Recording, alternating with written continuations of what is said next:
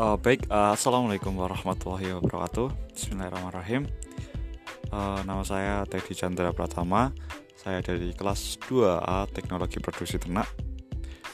Uh, NIRM saya 0308 19067. Uh, puji syukur, alhamdulillah kita panjatkan atas kehadirat Allah Subhanahu Wa Taala. Terima kasih karena telah diberikan kesempatan uh, karena di sesi yang mungkin teman-teman banyak yang praktek uh, saya sendiri bisa mengadakan sedikit uh, pendamping dari ujian akhir semester ini. Uh, ya yang jadi bahasan utama yang pasti uh, kita tahu bahwa bela negara. Jadi bela negara ini adalah sebuah konsep yang disusun oleh perangkat perundangan dan petinggi suatu negara tentang patriotisme seseorang. Seseorang, uh, kelompok ataupun seluruh komponen dari suatu negara dalam kepentingan mempertahankan negara, mempertahankan eksistensi negara tersebut juga. Setelah itu uh, yang jadi bahan apa sih kenapa uh, bela negara itu patut dan harus dijunjung terus diangkat terus dan pasti dipertahankan karena yang pasti satu karena akan ada rintangan-rintangan ataupun penghalang-penghalang tentang suatu sikap bela negara ini. Salah satunya adalah adanya COVID-19 ini. Pandemi COVID-19 ini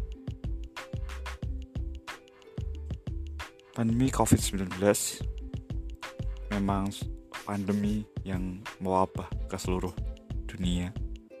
Bahkan sampai saat ini masih tercatat banyak uh, pasien-pasien uh, positif ataupun masih terpaparnya uh, COVID-19 ini.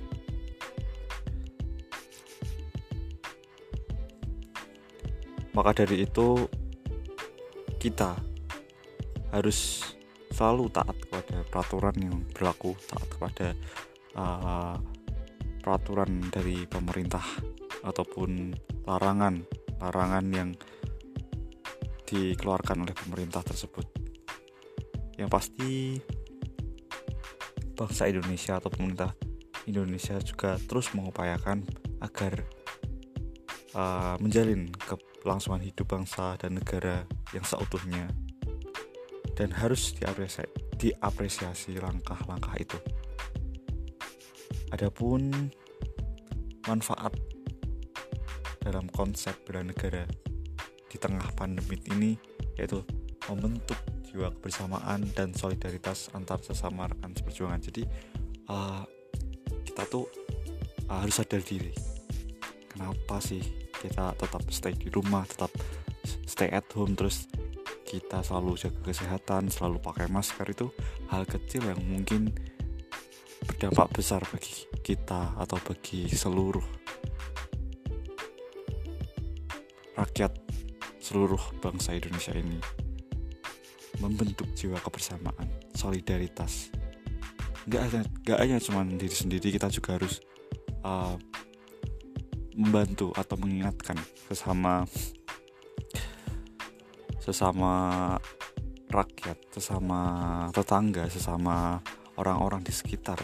Jadi kita gak hanya apatis untuk kita untuk sehat sendiri tidak, karena jiwa kebersamaan ini harus sering diupayakan, harus sering uh, diterapkan. Jadi kita selalu melindungi, selalu menjaga itu juga yang dua bisa menciptakan suasana rukun. Menciptakan suasana rukun itu bagaimana? Dengan adanya pandemi ini kita pasti uh, dikurangi atau dibatasi dalam uh, perkumpulan ataupun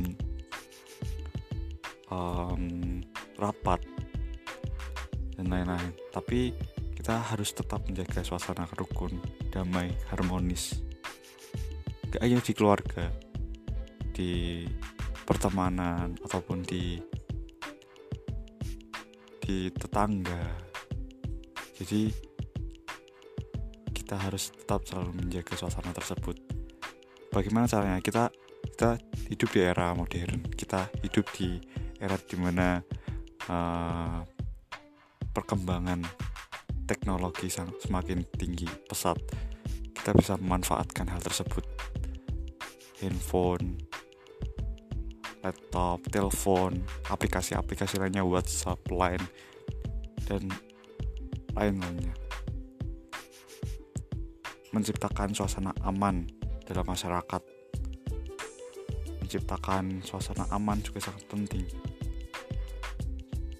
Bagi lingkungan masyarakat sekitar ataupun yang lainnya. Jadi uh, oke okay lah kita pandemi ini emang susah untuk bahkan mahasiswa-mahasiswa pun juga uh, kadang sering ngeluh kadang sering aku bosan aku pengen tatap muka aku kangen dan lain-lain. Tapi ya bagaimana lagi itu juga harus kita lewati bareng-bareng gitu. Stay at home jaga kesehatan. Jujur saja saya juga merasakan hal yang sama kayak gimana sih ini pembahasannya dan lain-lain. Mungkin lebih uh, cepat atau lebih mudeng untuk di, untuk dijelaskan langsung face to face gitu cuman uh, kita harus mensiasat, mensiasati ya inilah keadaan kita bagaimanapun kita harus lalui gitu. adapun juga uh, aspek-aspek uh, yang memperkuat hal tersebut seperti mempertahankan sama yang mempertahankan bangsa berbuat baik dan ini yang penting menjaga identitas dan integritas bangsa. Kenapa? Karena kita tahu sendiri bahwa negara-negara lain pun sudah mulai menurun untuk wabah COVID-19 ini. Bahkan Cina yang disebut-sebut asal mula dari pandemi COVID-19 ini sudah mulai menurun. Bahkan di kota Wuhan pun uh, masyarakat kembali mencoba kembali normal gitu bagaimana dengan negara kita bangsa Indonesia? Jadi kita oh sadar diri akan identitas oh bangsa ini.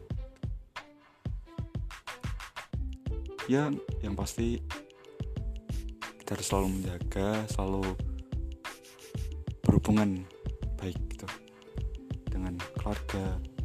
Itu mungkin salah satu yang saya sampaikan. Karena karena apa? Karena saya juga uh, setidaknya prihatin untuk uh, masalah COVID-19 ini. Karena uh, di sebelah kecamatan saya pun juga sudah ada yang positif dan sudah ada yang uh, meninggal. Walaupun uh, jumlah sembuhnya lebih banyak. Cuman yang pasti ini menjadi kekhawatiran sendiri bagi saya keluarga saya dan lain sebagainya atau masyarakat saya.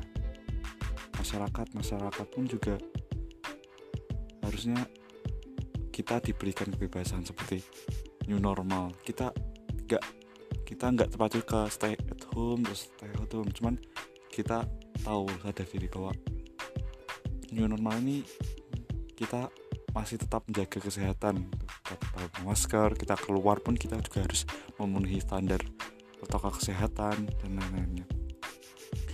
Dan uh, sepertinya itu uh, ada faktor-faktor nih. Faktor-faktor yang mungkin bisa jadi uh, berdampak pada integrasi nasional. Seperti uh, adanya ancaman dari luar negeri. Itu bisa membuat masyarakat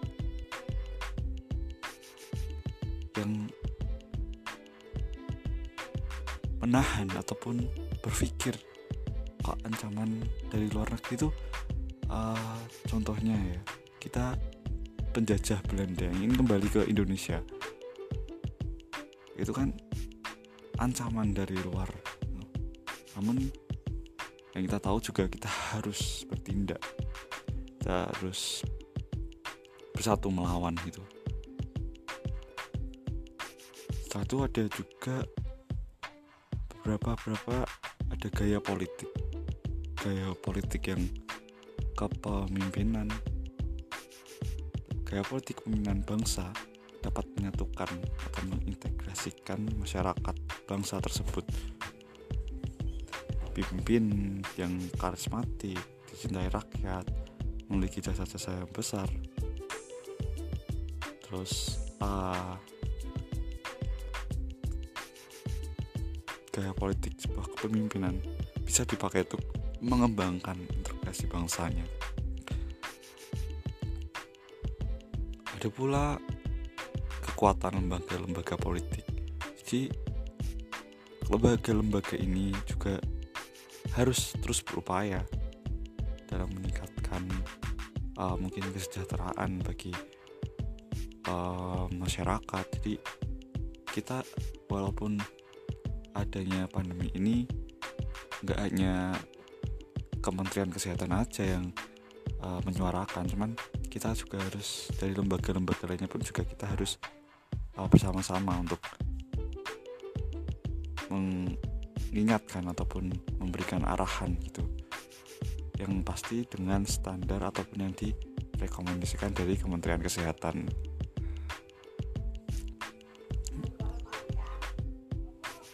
mungkin itu saja yang saya sampaikan di sedikit podcast saya sendiri karena saya juga belum tahu. Mungkin yang saya pahami dari podcast yang di usia akhir semester ini mungkin kita uh, lebih ke uh, dampak ataupun uh, pandemi ya dengan adanya pandemi COVID-19 ini. Gitu saya juga uh, kurang paham ataukah saya bisa mengajak atau mengobrol orang di sekitar atau masyarakat umum mengenai adanya ini untuk podcast ini atau lebih dari dua orang. Saya mohon maaf. Saya mohon maaf sekali karena ini uh, di tengah-tengah situasi praktik yang rumit mungkin teman-teman tahu. Saya cukupkan kurang lebihnya saya mohon maaf. Saya tutup. Terima kasih. Wassalamualaikum warahmatullahi wabarakatuh